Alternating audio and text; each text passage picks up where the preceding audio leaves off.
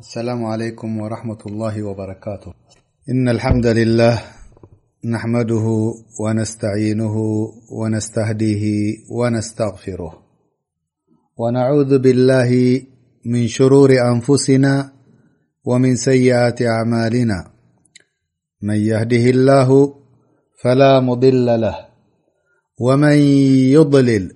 فلن تجد له وليا مرشدا وأشهد أن سيدنا وحبيبنا وقائدنا وقدوتنا وإمامنا محمد بن عبد الله بلغ الرسالة وأد الأمان ونصح الأم وجهد في الله حق جهاده حتى أتاه اليقين صلوات الله وسلامه عليه وعلى آله وصحابته ومن تبعهم بإحسان إلى يوم الدين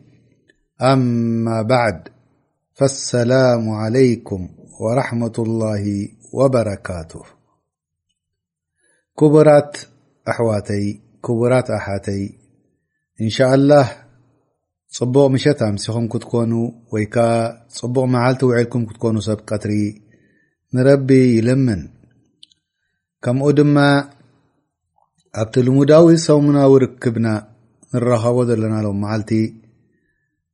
ብዛዕባ ዛንታ ናይ ኣንብያ ወይ ከዓ ቀሶስ ኣልኣንብያ ዝሓለፈ ሰሙናት ተዛሪብና ነርና መጨረሻ ነብ ተዛረብናሉ ኣኣንብያ ኣቡልኣንብያ ኢብራሂም ዓለይህ ሰላም ክኸውን ከሎ ሕጂ ናብ ሉጥ ምኽንያቱ ኣብ ግዜ ኢብራሂም ስለ ዝነበረ ብዛዕባኡ ንኽንዛረብ ሎም መዓልቲ መደብና ኣሎ ማለት እዩ ዝሓለፈ ሰሙን መጨረሻ ዛንታ ናይ ኢብራሂም ዓለይ ሰላም ከምኡ እውን ምውላድ ናይ ኢስሓቅ ናይ ያዕቁብ ናይ እስማዒል ኩሎም ደቁ ንኢብራሂም ዓለይሂ ሰላም ክንዛርብ ከለና ከም ዝወለዶም ብዛዕባኦም ዛንታቶም ናቶም ከይኣተና ናብ ሉጥ ምክንያቱ ኣብ ግዜ ኢብራሂም ስለ ዝነበረ ንዛረብ ኣለና ማለት እዩ ከምኡ ውን ብዛዕባ ኢብራሂም እንታይ ከም ተጓነፎ ኣብ ዒራቅ ከምኡ ድማ ኣብ ፈለስጢን ከምኡ ውን ኣብ መስር ከምኡ ውን ኣብ መካ ተዛሪብና ኣብዚ ግዜ እዚ ከ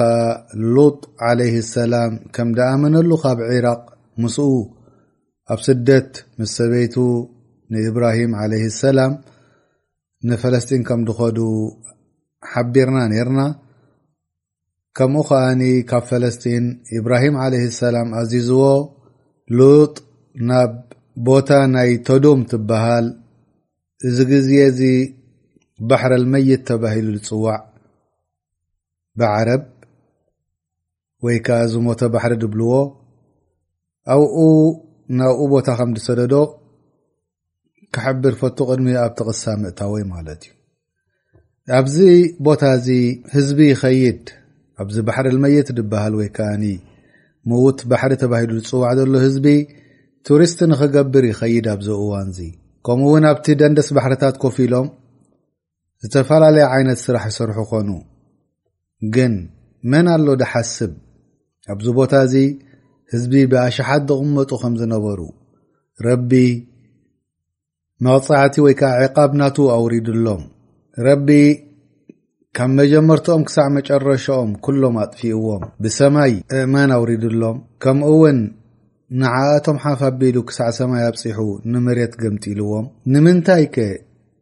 ከምዚ ዳኣምሰለ ብስቃይ ዘለዎ ዓዛብ ገይሩ ረቢ ኣጥፊኡሎም ኣጥፊእዎም ንኹሎም እንተልና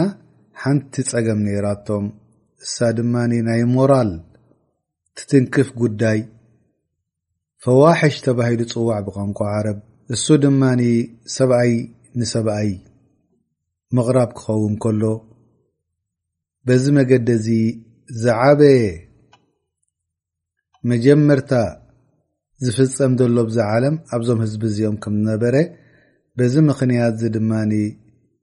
ረቢ እዚ ዓቓብ እዚ ኣውሪድሎም ብድሕሪኦም ድመፅእ ዝስራሕ ዝሰረሐ ድማ ናቱ ሓጢኣት ክስከሙ ወይ ከዓ ደንቢ ክስከሙ ከም ምዃኖም ክንፈልጥ ኣለና ምክንያቱ እሶም ስለ ድመሰረትዎ እሶም ስለ ድኣሰስዎ ዝዘንብ እዚ ኩሉ ድሕሪኦም ድገበረ ነዚ ስራሕ እዚ ንዕኦም ተላይ ዘንቢ ረቢ ይውስኸሎም እቲ ዕቃብ ፅባሕ ንግሆ ኣብ ዮም ኣልቅያማ መሊሱ ክቐፅለሎም እዩ ማለት እዩ ይብ ሕጂ ናብቲ ናይ ሉጥ ዓለይህ ሰላም መን እዩ ድበሃል ከምቲ ቅድሚ ሕጂ ዝገለጽናዮ ወዲ ሓወቦኡ ከም ምዃኑ ንኢብራሂም ዓለይህ ሰላም ሓቢርና ነር ናብቲ ዛንታ ናይ ኢብራሂም ኣብቲ ስደት ናቱን ስለዚ እሱ ሎጥ እብኒ ሃራን እብኒ ታራሕ ወይ ከዓ እብኒ ኣዘር ተባሂሉ ፅዋዕ ከም ዝበልክዎ ወዲ ሓዉ ንኢብራሂም ዓለይህ ሰላም ከም ምዃኑ ክንሕብር ንፈቱ ከምኡ እውን ኣብ ስደት ምስኡ ከይዱ ብትእዛዝ ናይ ኢብራሂም ናብ ሰዱም ተባህለት ቦታ ከይዱ እዚ ቦታ እዚ ድማ ህዝቢ ድቕመጦ ነበረ ምን ኣፍጀረ ናስ ወኣክፈረሁም ወኣስዋእሁም ጠውያ ብጣዕሚ ኣብ ኩፍሪ ዝነበሩ ኩፍሪ ድፍፅሙ ድነበሩ ሕማቕ ስራሕ ዝሰርሑ ድነበሩ ኣብ ውሽጦም ተመስሪቱ ዝነበረ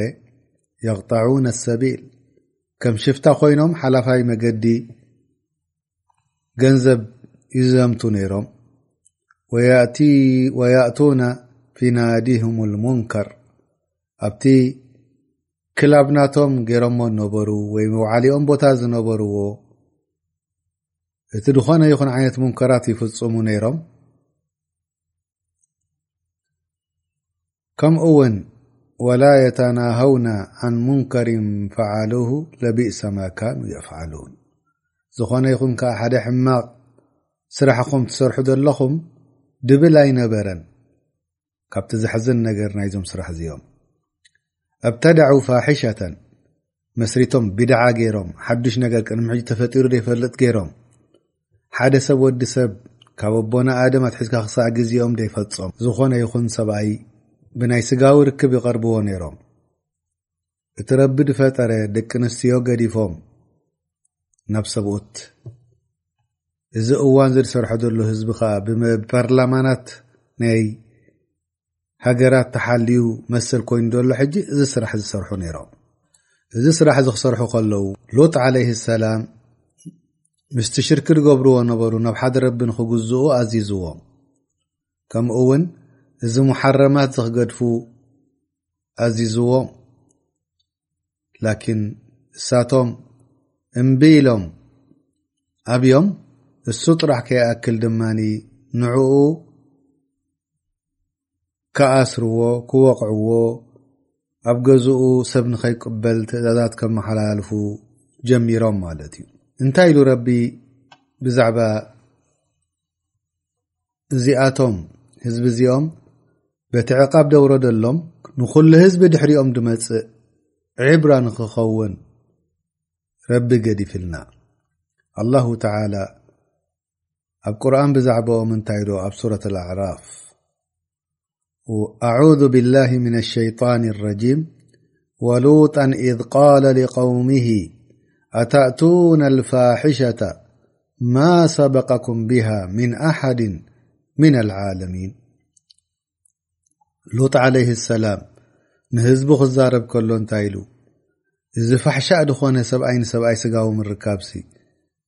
ትፍጽሙ ኣለኹም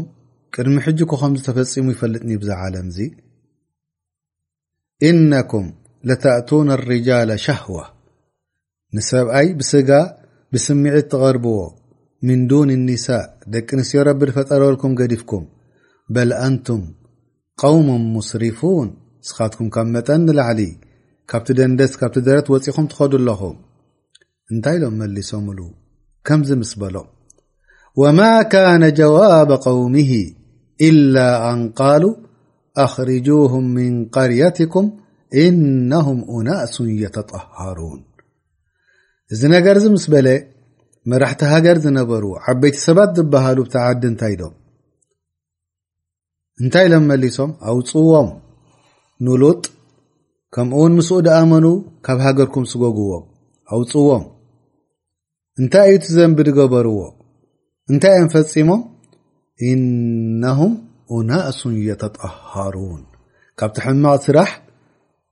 ነፃ ክኾኑ ደልዮም ፅፉፋት ፅሩያት ክኾኑ ደልዮም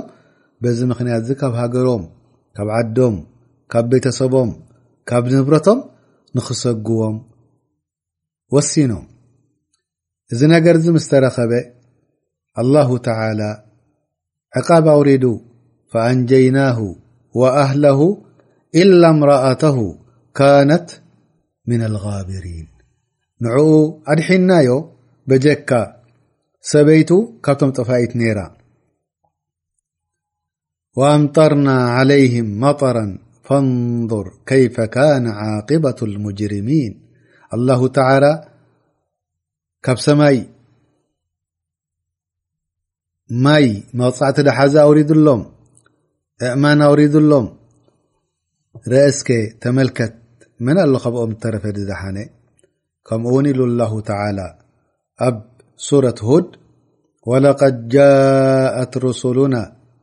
إبراهيم بالبشرى قالوا سلاما قال سلام فما لبث أن جاء بعجل حنيذ فلما رأى أيديهم لا تصلوا إليه نكرهم وأوجس منهم خيفة قالوا لا تخف إنا أرسلنا إلى قوم لوط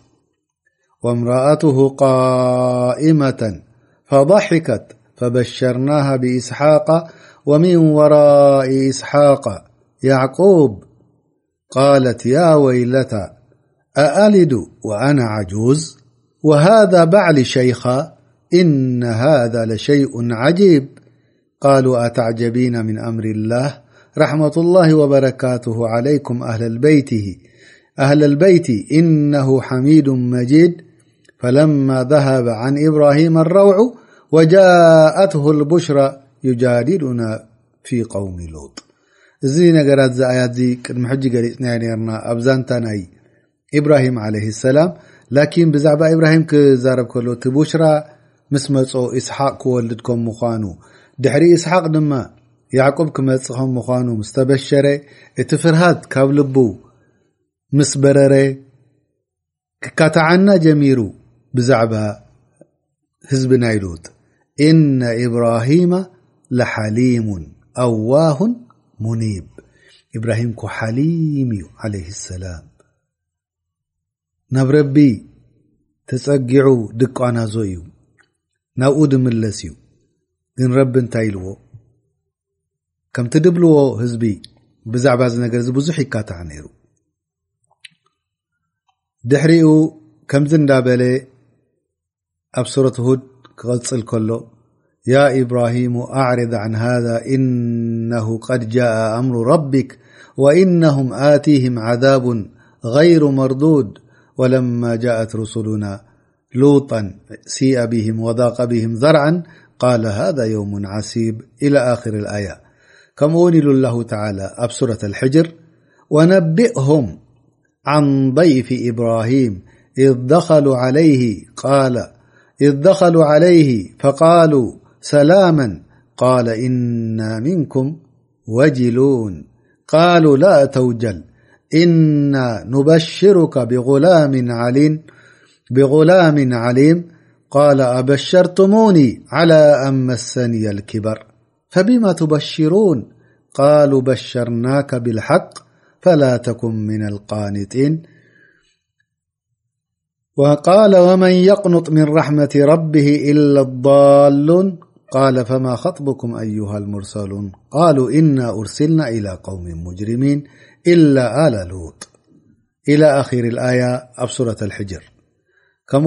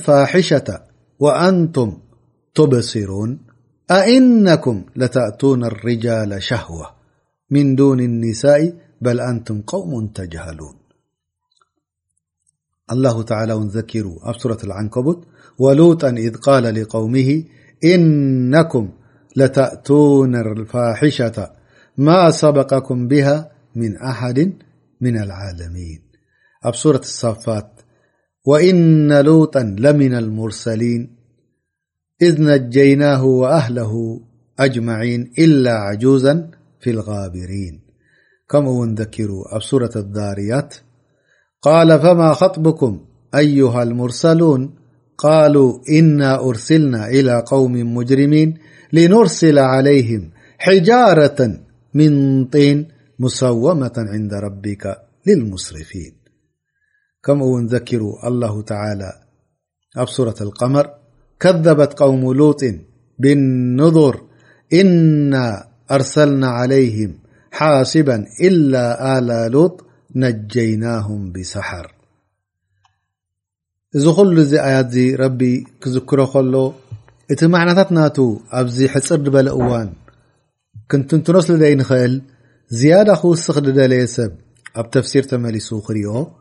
ኣገዳሲ ይኸውን طይብ ሎጥ ዓለይህ ሰላም ኩሉ ግዜ ክዝከር ከሎ ቀውሙ ኑሕ ከምኡ እውን ቀውሙ ዓድ ወይ ከዓ ተሙድ ይዝከሩ እዚ ከዓ ንምንታይ እዩ እንተ ኢልና ብ ቁርን ከምኡ ክዝክር ከሎ ረቢ ዕብራ ንክወስድ ካብቲ ዝወረዶም ንዓቶም በቲ ዘንቢ ዝገበርዎ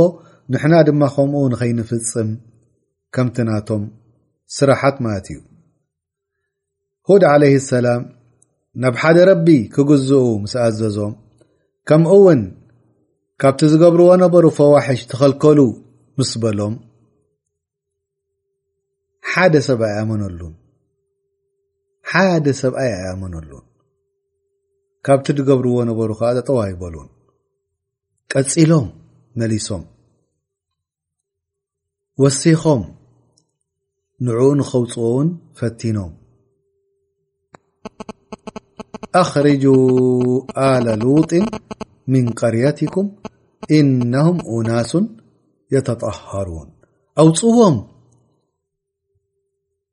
ህዝቢ ሉጥ ንምንታይ እሞ ጠሃራ ስለ ዝደልዩ ዘለዉ ዘገርም ደይኮነን ሓደ ሰብ ወዲ ሰብ ሕጂ ትሰግድ ኣለኻ ኢሎም ካብ ዓድኻ ክሰጉኻ ከለዉ ዘገርም ደይኮነን ሕጂ ትቐርእ ኣለኻ ኢሎም ካኣስሩኻ ከለዉ ዘገርም ደይኮነን መምህራን ናይ መዓህድ ናይ እስልምና ዘሎ መማህራን ክእሰር ከሎ ቅድሚ ሕጂ እውን ዚ ነገር ዝተፈፂሙ እዩ እንታይ እሞ እቲ ሕማቕ ዘሎ ሰብ ነቲ ፅቡቕ ክቕበሎ ስለ ዘይክእል በቲ ፅቡቕ ዝገበርዎ ድማ ከም ገበን ተገይሩ ከም ዝውሰድ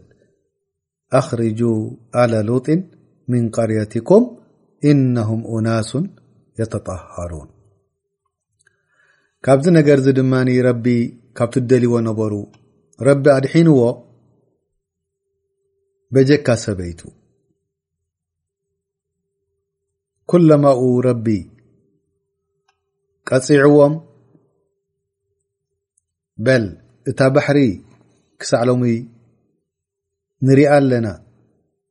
ባሕረ ልመይት ተባሂላ ትፅዋዕ እቲ ቦታኦም ባሕሪ ቀይርዎ ላኪን ፊ ሓቂቃ ሓዊ ኮይናቶም እቲ ማይ ናታ ሕጂ ጨው ድኾነ ረቢ ገይርዎ ፋሕሻ ኣይትግበሩ ተበሎም ቅድሚ ሕጂ ከምዝተፈፂሙ ኣይፈልጥን እዩ ዙ ዱንያ እዚ ተበሎም ኣብዮም ረቢ ከኣ መተል ገይርዎም ወዒብራ ገይርዎም ንድሕሪኦም ድመጽእ ጥራሕ እዚ ከይኣክል ወካኑ የቕጠዑን ኣጠሪቅ ወየኹኑን ኣረፊቅ ከምኡ እውን ቅድሚ ሕጂ ከም ሸፋቱ ኮይኖም ህዝቢ መገዲ ይኽልክሉ ነይሮም ነቲ ገያሻይ ምስኦም ይኸድዑ ነይሮም ወያእቱና ፊ ናዲህም ኣልሙንከር ኣብቲ ቦታኦም ዝእከብሉ ድማ ሕማቕ ስራሕት ይፍፁሙ ነይሮም እዚ ናዲ እዚ ድማ ተኣኪቦም ዝፃወትሉ እቲ ሙንከር ዝገብርዎ ነበሩ ናይ ቃላት ክኸውን ይኽእል እዩ ናይ ግብራዊ ክኸውን ይኽእል እዩ ብኩሉ ዓይነት ከምቲ ተባሃለ ካብቲ ሓደ ዝገብርዎ ነበሩ ስራሓት ኣብቲ ናዲ ናቶም ነስኣሉላህ ኣሰላማ ብጥራጥ መን ዝያዳ ጠርፅ ኢሎም ገብሩ ነይሮም ሓደ ካብቲ ሓደ ከይሓፈረ ካብኡ ንላዕሊ ድማ ህዝቢ እንዳረኣዮም ከሎ እቲ ስጋዊ ርክብ ይፍፅሙ ነይሮም ተኸልከል ዝበሎም ኣይሰምዑ ምኸራይ ዝመኸረ ብዓቕላዊ ኣይቁበሉ ኣብዚ ቦታ እዚ ከም እንስሳ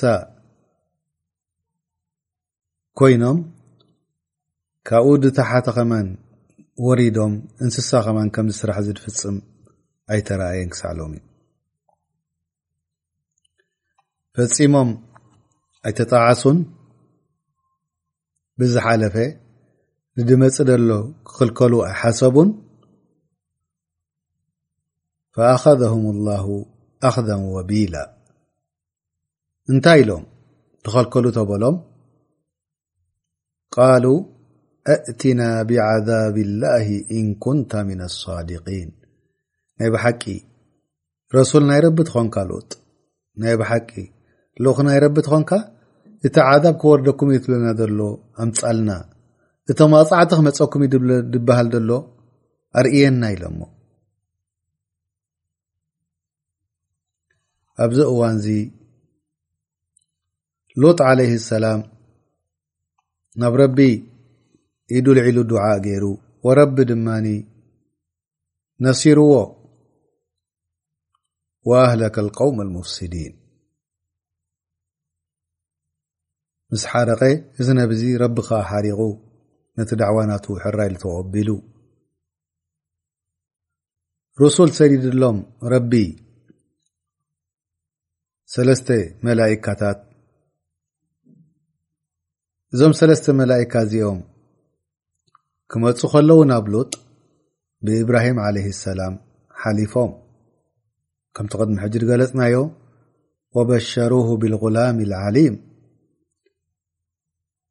ፈላጥ ዝኾነ ቆልዓ ክወልድ ከም ምዃኑ ሓቢሮሞ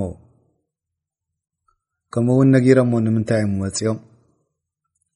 ኢብራሂም ዓለይ ሰላም እቲ ፍርሃት ምስ ጠፈኦ ካብኡ ምስ ከደ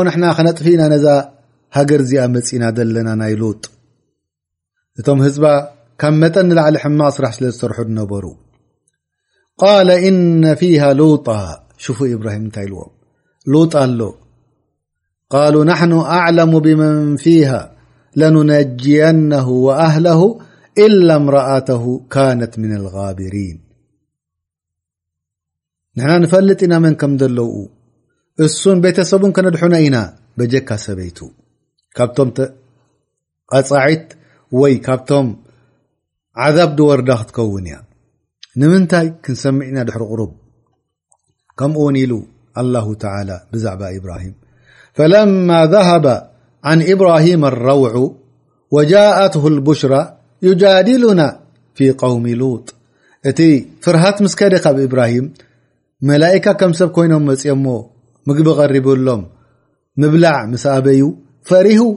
እቲ ፍርሃት ምስ ከደሉ ግን ክካታዓና ጀሚሩ ብዛዕባ ህዝቢ ሉጥ ምኽንያቱ ኢብራሂም ዓለይ ሰላም እንታይ ደሊ ነይሩ እንታይ ተስፋ ነይርዎ ህዝቢ ከኣምኑ ዓዛብ ንክወርዶም ሓሳብ ኣይነበሮን ይምስልሙ ካብቲ ትገብርዎ ነበሩ ጠው ክብሉ በዚ ምክንያት እዚ እንታይ ኢሉ ኢብራሂም እነ ኢብራሂማ ሓሊሙ ኣዋሁ ሙኒብ ኢብራሂም ኮ ሓሊም እዩ ኣዋሂ ወሙኒብ እዩ ያ ኢብራሂም ኦ ኣንታ እብራሂም ኣዕርض ዓን ሃذ ደውበል ካብዚ ምክታዕ ሕዚ ይኣክለካ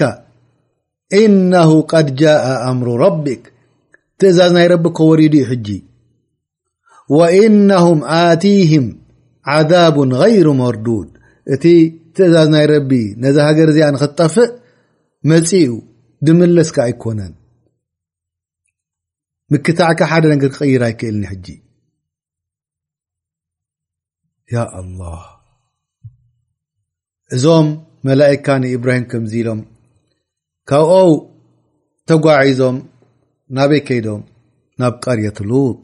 ናብ እንዳ ሉጥ ከይዶም እንታይ ኢልና ረቢ ብዛዕባ እዚ ነገር እዚ ወለማ ጃእት ሩሱሉና ሉጣ ሲኣ ብህም ወضቀ ብህም ዘርዓን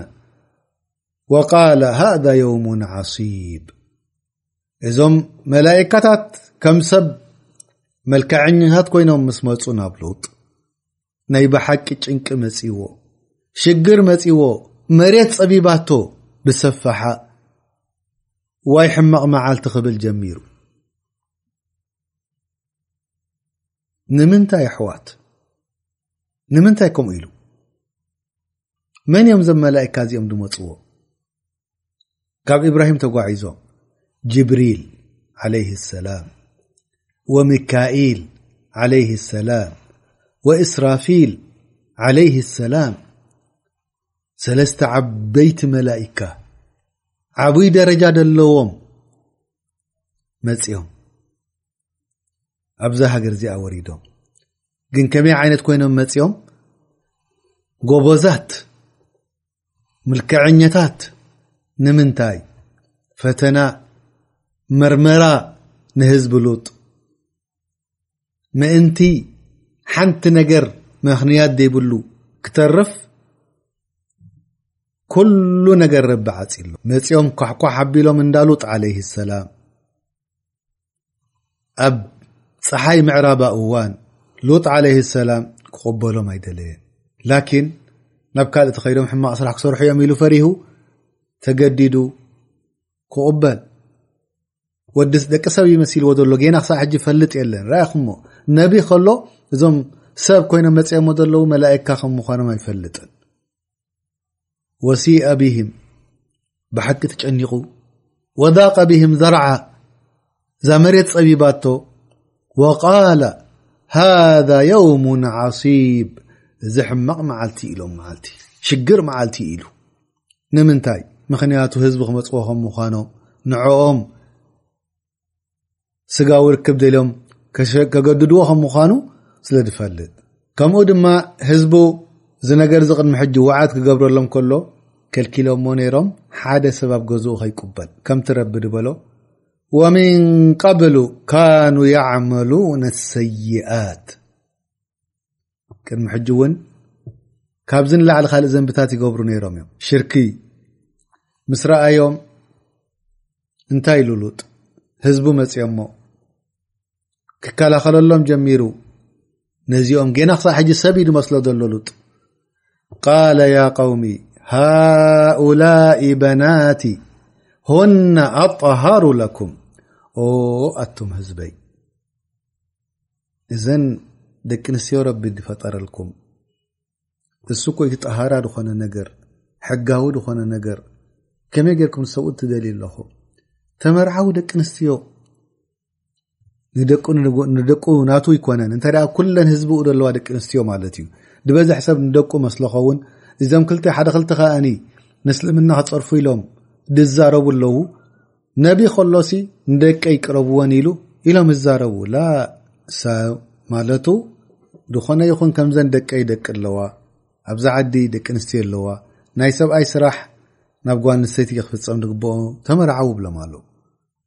እዚ ድማ ዝኾነ ይኹን ነቢ ከመቦ ቦታ ናይ ኣቦ ኢድሕዛብቲ ህዝቡ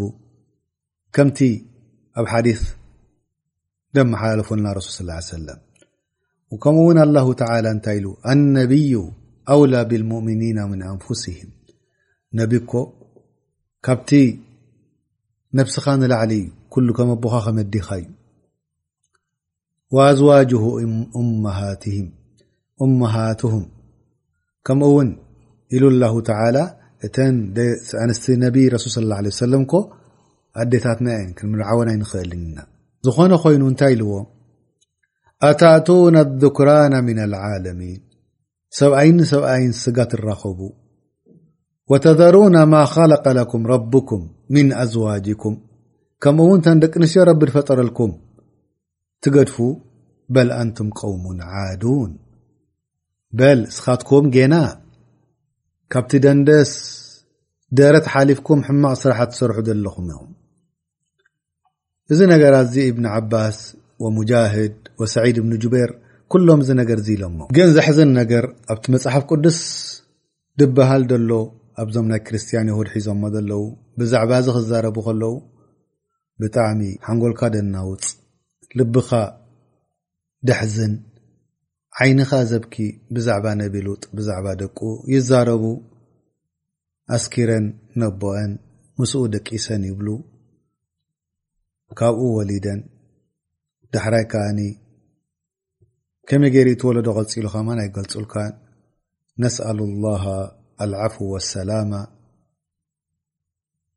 ዝኾነ ኮይኑ ህዝቢ መፅኦሞ ኣጋይሽ ከም ድመጽዎ ሰሚዖም ከመይ ገይሮም ሰሚዖም ኣሕዋት መን ነጊርዎም ምሸት እዮም መጺኦም መን ነጊርዎም መስለኩም ሰበይቱ ነጊራቶም እዚኣ ኽያና ገይራ ኣጋይሽ መጺኦም ኣለዉ ንዑ ኢላቶም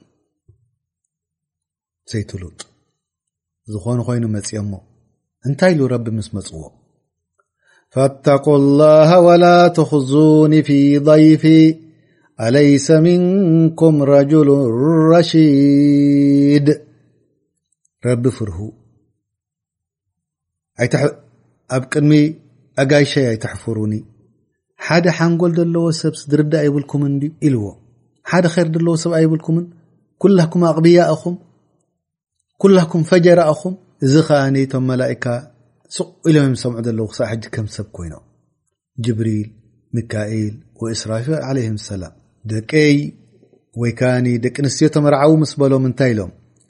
ቃሉ ለቀድ ዓሊምተ ማእለና ፊ በናትካ ምን ሓቅን ወኢነካ ለተዕለሙ ማ ኑሪድ እስኻ ሕጂ ሉጥ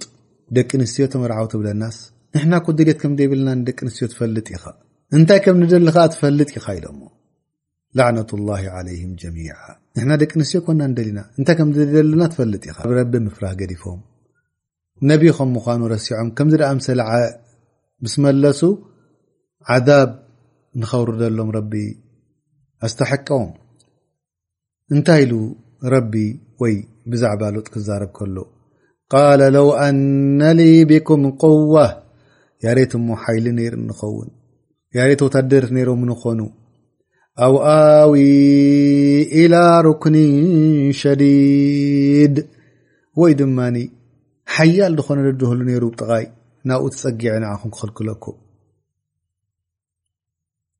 ላ ህዝቢ የብለይ ቤተሰብ ንዓኹም ክከላኹሉለይ ድኽእሉ ወላ ደዐውተኒ የለ ከመይ ገይረ እሞ ክኽልክለኩም ከምቲ ሓዲስ ደመሓላለፉልና ረሱል ስለ ላ ለ ሰለም ኣብ ሁረይራ ዝነገሩና ናሕኑ ኣሓቁ ብሸክ ምን ኢብራሂም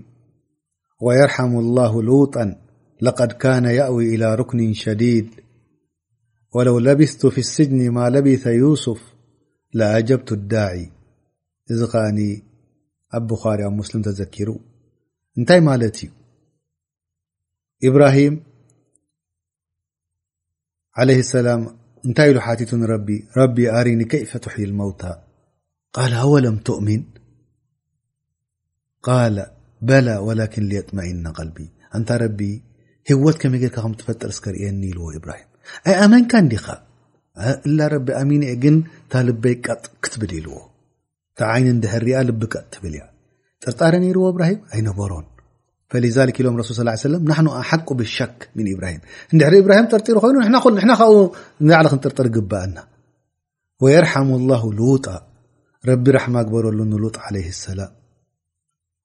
ለቀድ ካነ ያእዊ ኢላ ሩክኒን ሸዲድ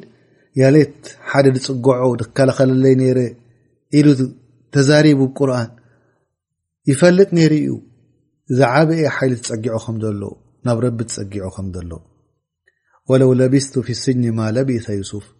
ከምቲ ዩሱፍ ዓለይ ሰላም ድማ ኣብቲ ቤት ማእሰርቲ ንዓመታት ተኣሰረ ብደይ ሓደ ዘንቢ ብደይ ሓደ ነገር ገበን ከምኡ ተኣሲረ ድኸውን ነይረ ለኣጀብቱ ዳዒ እቲ ንዓውፃእ ኢሉ ከምኡ ውን እቲ ዩሱፍ ዓለይ ሰላም ክንዲዛዕ ነዊሕ ዓመታት ኮፍ ድበሎ ኣብቲ ቤት ማእሰርቲ ብደ ሓደ ገበን ከምኡ መፂዎ እቲ ናይ መሊክ ናይተዓዲ ነበረ መራሒ መፂዎ ንዓውፃእ ክብሎ ላእ ነፃ ካይወፃኹ በቲ ገበን ደይገበርክዎ ደእተውኒ ኣይወፅን ዩ በሎ ከምኡ ኮፍ ደ ደኾነ ይርኣን ከዓ ሕራ ኢለ እኳ ምወፃኹ ቀልጢፈ እዚ ድማ ክሳዕ ክንደይ ናይ ሎጥ ክብረት ናይ እብራሂም ናይ ዩሱፍ ከም ምዃኑ ይገልፀልና ኣሎ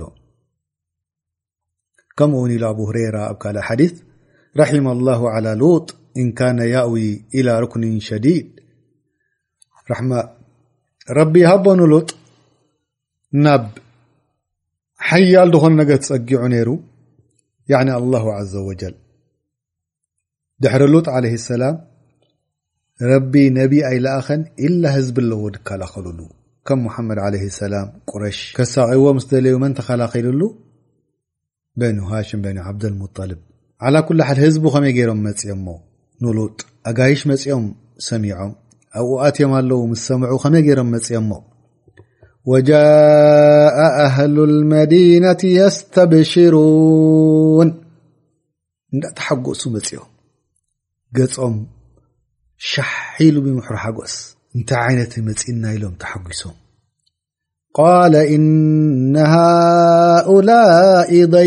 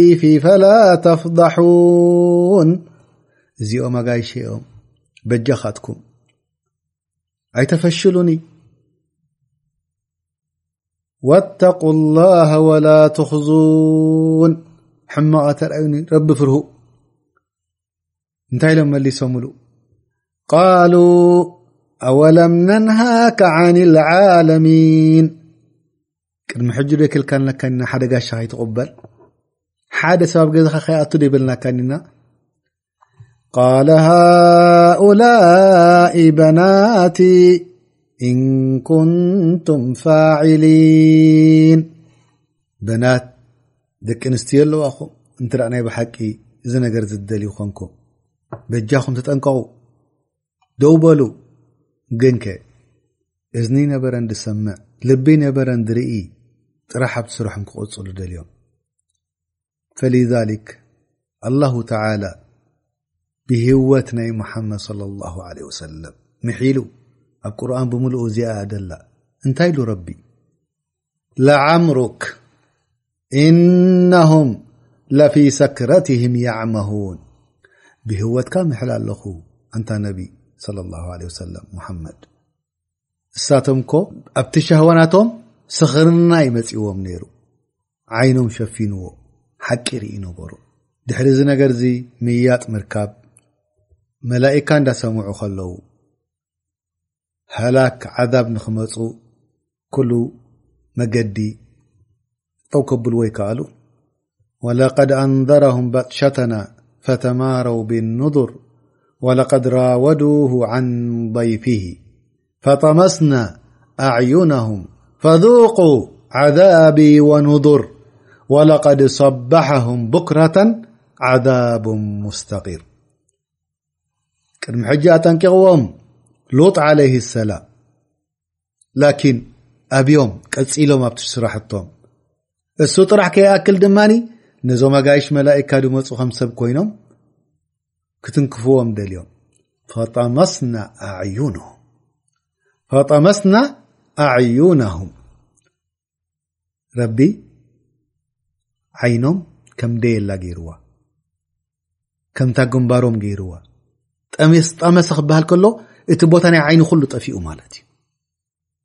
ኣላ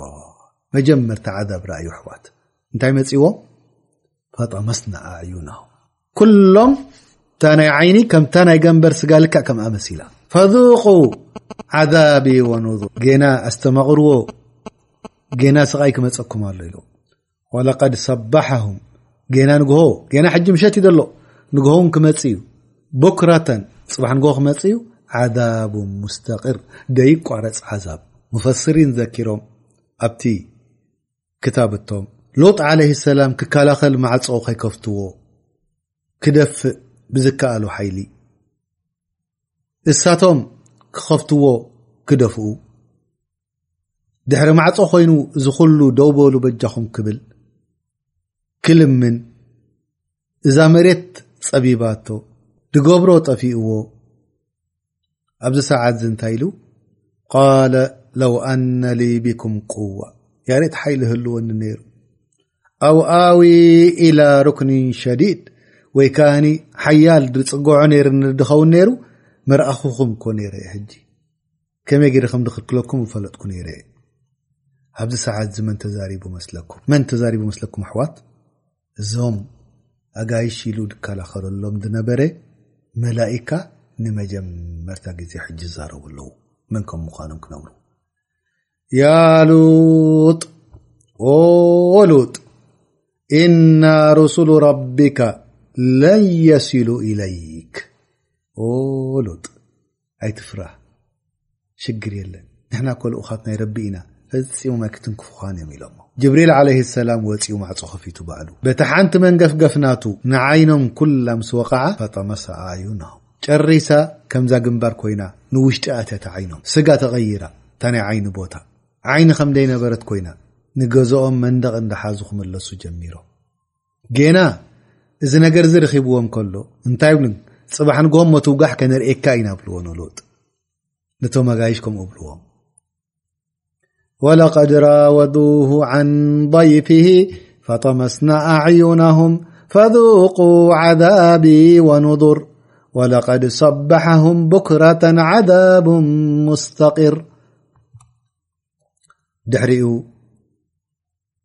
መላእካ ጅብሪል ዓይኖም ምስ ኣጥፈየ ንሉጥ ዓለይ ሰላም ኣዚዞሞ ስድራ ቤቱ ሒዙ ብለይቲ ክወፅእ ካብ ተዓዲ መጨረሻ ለይቲ ክወፅእ ከምኡ ውን ገለ ነገር ተሰሚዖም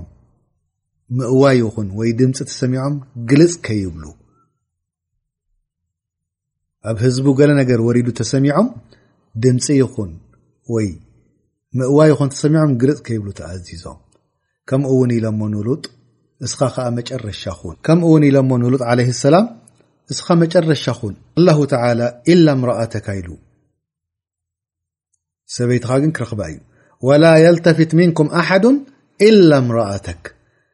ግልፅ ከይብል ሓደ ሰብ ሰበይትኻ ግን ትእዛዛ ክትሰምዕን እያ ግልፅ ክትብል እያ እንድሕር ግልፅ ኢላ ከኣኒ እቲ ድወረደ ክወርዳ እዩ ናይ መጨረሻ ዕድላ እዚኣ ላ ሰበይቲ እዚኣ ኢሎም ሓደ ክልተ ዕለማ ሽማ ዋሊሃኣ ነይራ ኢሎም ከምኡ እውን ሰይቲ ኑሕ ዓለይ ሰላም ዋሊቃ ትበሃል ነይራ ኢሎም ከምቲ ረቢ ድበሎ ቅድሚ መጨረሻ ለይቲ ቅድሚ ንጎ ምውፅኡ ውፃእ ህዝቢ ካሒዝካ መጨረሻ ድማ ኩንስኻ ኢሎሞ ኣላሁ ተላ ንጎ ከውርደሎም ዩ ዓዛብ ኢሉ ከምቲ ድበሃል ንምንታይ ክሳዕ ንጎ ትፅበይ ኢልዎ ሓቲትዎም ሉጥ እንታይ ኢሎም መሊሱ ላሁ ተላ እነ መውዒደሁም ሱብሕ ኣለይሰ ሱብሑ ብቀሪብ ቆፀሮኦም ንክጠፍእ እኮ ንግሆ እዩ ርሑቕ ኮይኑ ይሰማዓካ ሕጂ እኮ ዩ ንግሆ ክኣቱ ሎጥ ዓለ ሰላም ክልተ ኣዋልድ ነይረኖ ደቁ ንዓን ሒዙ ሰበይቱ ሒዙ ወፅዩ ሓይ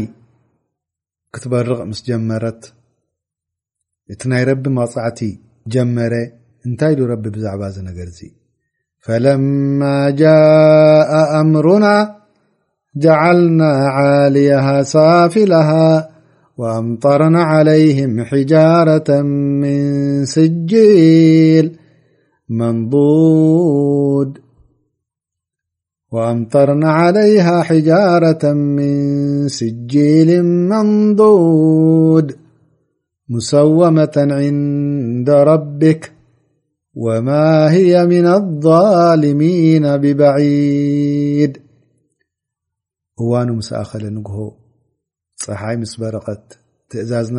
መፅዩ እቲ ላዕላ ዝነበረ ንታሕቲ ቀይርናዮ ገምጢልናዮ ከምኡ እውን ኣእማን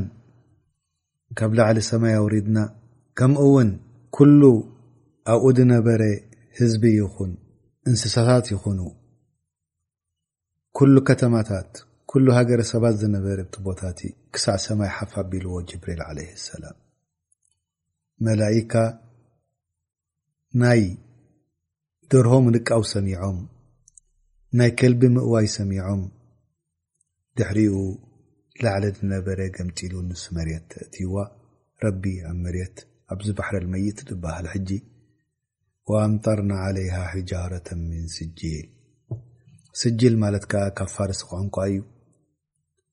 ናብ ዓረብ ተቐየረ ንቑፅ ቀዊ ሓያል ዝኾነ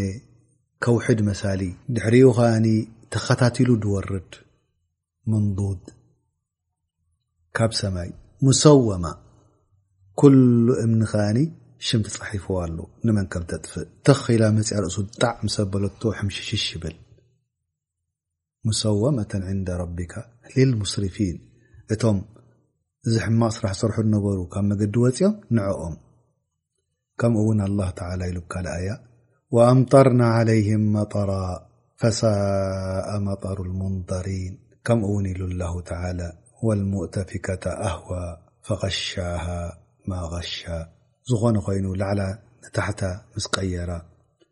ከምኡ ውን ብማይ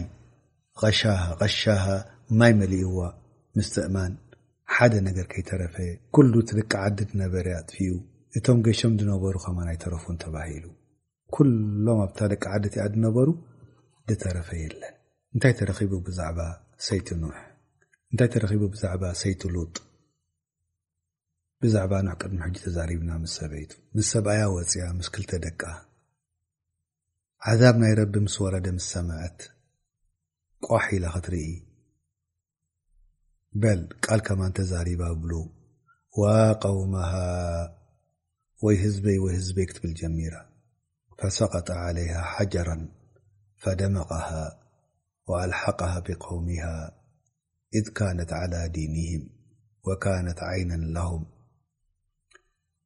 ሓጀር እምኒ ካብ ሰማይ መጺኡ ርእሳ ፈናቒልዋ ምስ ህዝባ ሓዊስዋ ኣብቲ ናቶም እምነት ስለ ትነብር ነበረት። ከምኡውን ከም ዓይኑ ኮይና ጃሱስ ኮይና ትነግር ስለ ዝነበረት በዚ ምኽንያት እዚ ኸኣ ረቢ ቁርኣን ኣውሪዱ ኢላ የውም ኣልቅያማ ዝምድና ድጠቅም ከምደይ ምዃኑ ክገልጸልና ኣቦ ንውላድ ከምደይጠቅም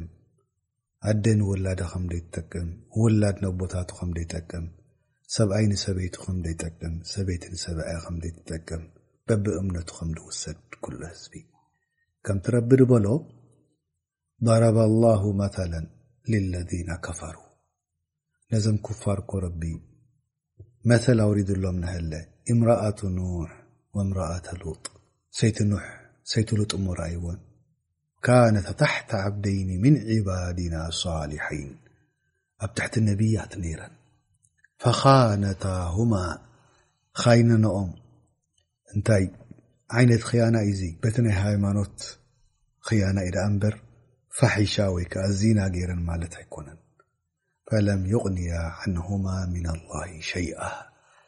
ደቂ ነቢ ምዃን ወይ ሰይቲ ነቢ ምዃን ሓንቲ ክጠቕሞም ኣይከኣለን ንምንታይ እሞ ወቒለ ድኹል ናራ ማዓ ዳኪሊን ሰይቲ ነቢ ነበራ ክልትኤን ኣብ ጀሃንም ክኣትዋ እዩ ላኢላሃ ኢላ ላ ከምቲ እብኒ ዓባስ ድበሎ ድበሎ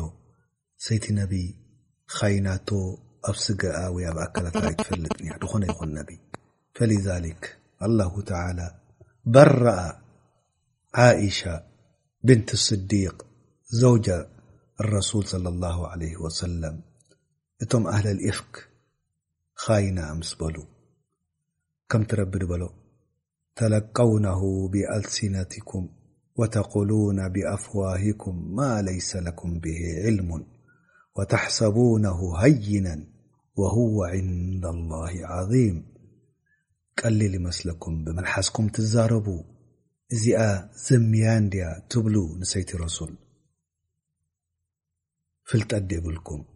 ቀሊል ኮይኑ ይስምዓኩም ኣብ ቅድሚ ረቢ ላኪን ዓብዪ ደንቢ እዩ ካብዚ ተበጊስና ኸኣ ንብል ዝኾነ ይኹን ሰብ ንሓንቲ እስላመይቲ ሓፍቱ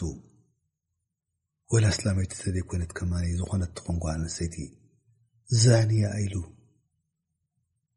ዘይገበረቶ ክድርብያ ከም ደይብሉ ምክንያእቱ እዚ ነገር እዚ ቀሊል ኣይኮነን ዓብይ ነገር እዩ ኣብ ቅድሚ ረቢ እንታይ ዓይነት ዕቁባ መጺዎም ንቀውሚ ሎጥ ተዛሪብና ረቢ ላኪን ነዚ ኣያ እዚኣ ከመይ ገይሩ ዓጺዋ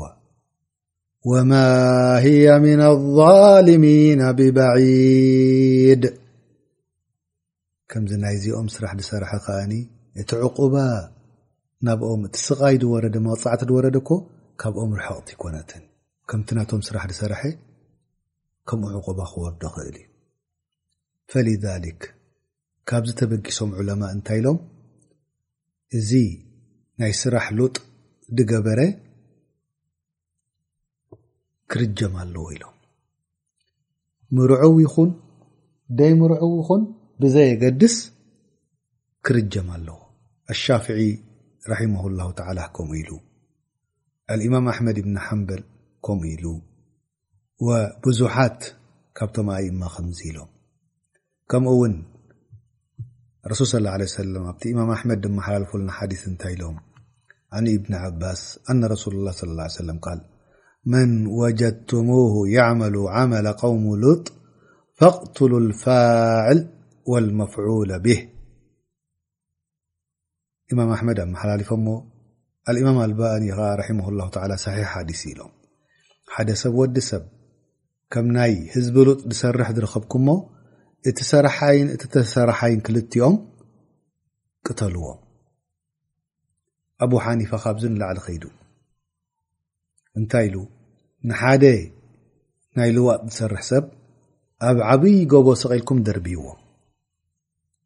ብድሕሪኡ ኸዓ ብእማን ጌርኩም ክሳዕ ድመውት ውቕዕዎ ከምቲ ረቢ ድዓዘበ ንቆሙ ሉጥ ምኽንያቱ ረቢ ኢሉ እዩ ወማ ህያ ምና ዛልሚና ብበዒድ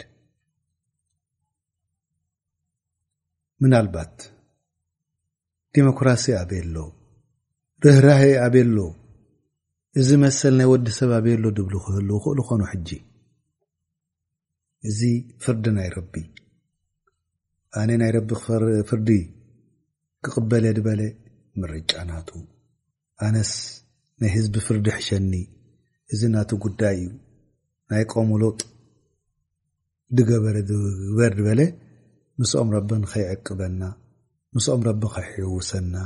ንረብና ንልምን ናይ ህዝቢ ሉጥ ዓለይ ሰላም ሰጥፈዎም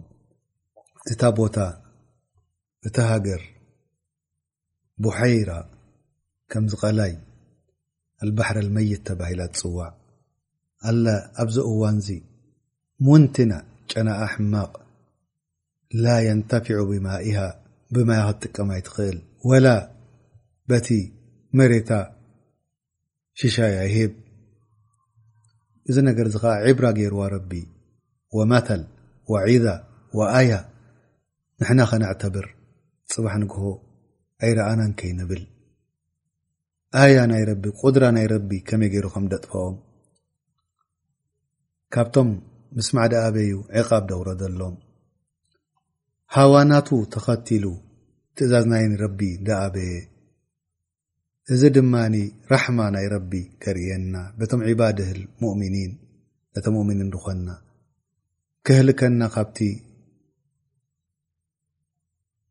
ሕማቕ ስራሕ ከድሕነና ንዕኦም ኣህሊክልና ንዓና ከዓ ካብቲ ኑር ኣውፅኡ ብዝሉማት ከየእትወና ንረብና ንልመን ማለት እዩ ድሕሪኡ እንታይ ኢሉ ላሁ ተላ እነ ፊ ሊከ ለኣያ እዚ እኮ ምልክት ናይ ረቢ እዩ ወማ ካነ ኣክተርም ሙእምኒን ግን ብዙሕ ህዝቢ ናይ ረቢ ፍርድን እምነትን ኣይቅበልን እዩ ወእነ ረበካ ለሁወ ዓዚዙ ራሒም ረቢካ ብጣዕሚ ዓዚዝ ዝኾነ እዩ ወረህራህ ዝኾነ እዩ ኸዓ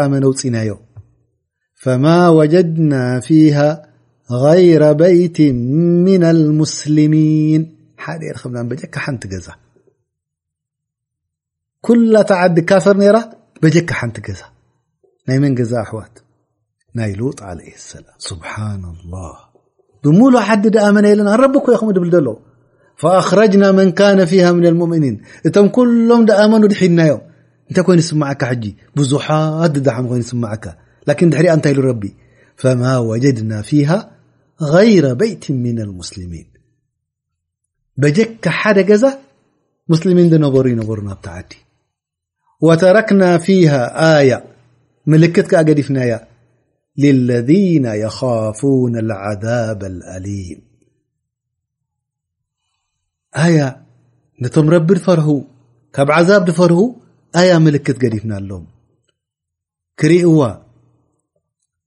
كم ترب ل لمن خاف العذاب الآخرة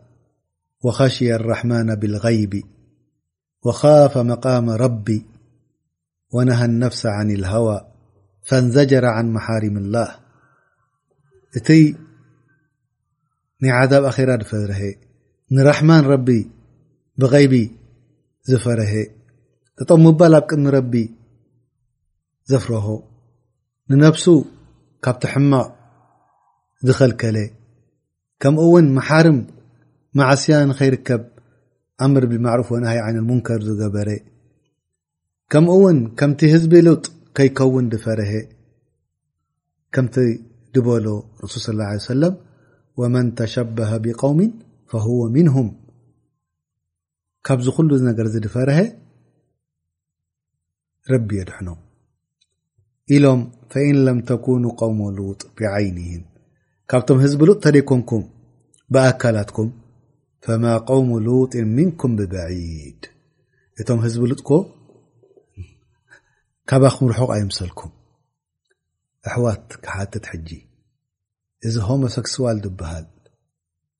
ወይ ለስቢስ ዝበሃል መሰል ኮይኑ ኣብ ቲቪ ኣብ ፓርላማን ኣብ ሕጊ ዶ ወሪዱ ኣሎ ሕጂ ንዑ ድከላኸሉሎም ኣለዉ ዶ ደሞንስትሬሽን ዝገብሩ ኣለዉ ዶ ኣላሁ ተላ እዚ ነገር ዝብለና ኣሎ ኣስላማይ ኮንካ ንከምዚ ዳኣ ምሰለ ድምፂ ክትህብ ኣይግበኣካን እቲ ናይ ብሓቂ ሓንጎል ዘለዎ ፈራህ ረቢ ዝኾነ በቲ ትእዛዝ ናይ ረቢ ሰሚዑ ደው ይብል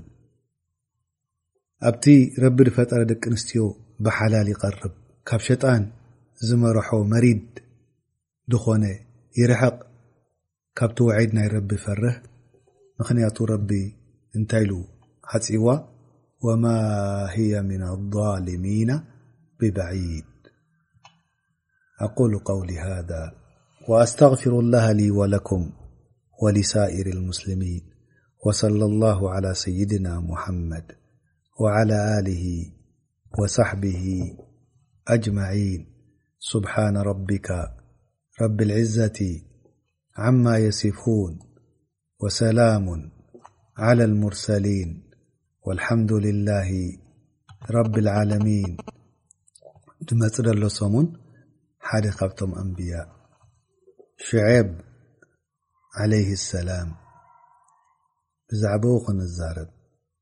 መን እዩ ነይሩ?